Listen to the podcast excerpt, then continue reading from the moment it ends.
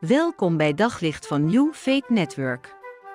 Luister elke dag naar een korte overdenking met inspiratie, bemoediging en wijsheid uit de Bijbel en laat Gods woord jouw hart en gedachten verlichten. Gek genoeg kun je geestelijk in coma raken.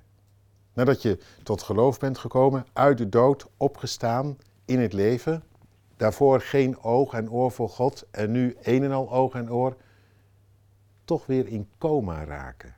Op zo'n manier dat je bijna dood bent. Zoiets staat er in het vijfde hoofdstuk. Als Paulus tegen gelovigen zegt: Ontwaak, die slaapt, sta op uit de doden. Dat waren ze toch al, uit de dood opgestaan. Ja, maar ze zitten er weer heel dicht tegenaan. En als het zo doorgaat, dan uh, gaat het ook verkeerd. Ik vind dat uh, aangrijpend. Dat het zover kan komen. Dat je tot leven was gewekt, het spoor van Jezus ging en nu gewoon onder zeil bent gegaan. Ja, waarin eigenlijk? Nou, dat wordt genoemd in het stuk daarvoor. En dan noemt Paulus een aantal dingen. Hij heeft het vooral over twee dingen.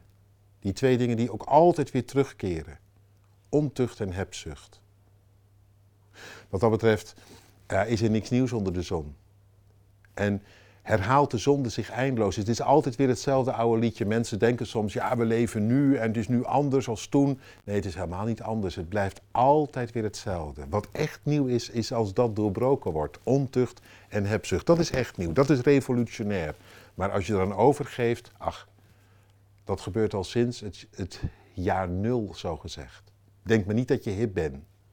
Als je alleen maar leeft voor jezelf en voor luxe en het nooit op kan en het allemaal duurder moet en je niet kunt hebben dat een ander het toch nog weer net ietsje beter heeft en dan al maar door, door, door om nog meer en groter te hebben.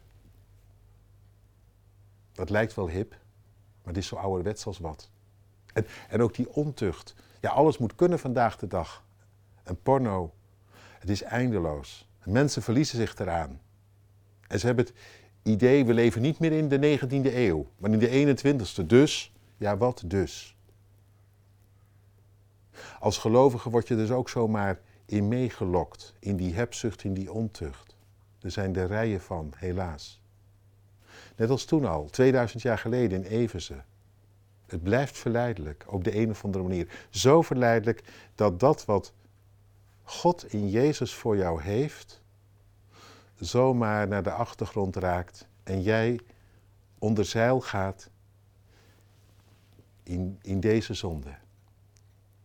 In coma raakt. Totaal ongevoelig voor wat God bedoelt.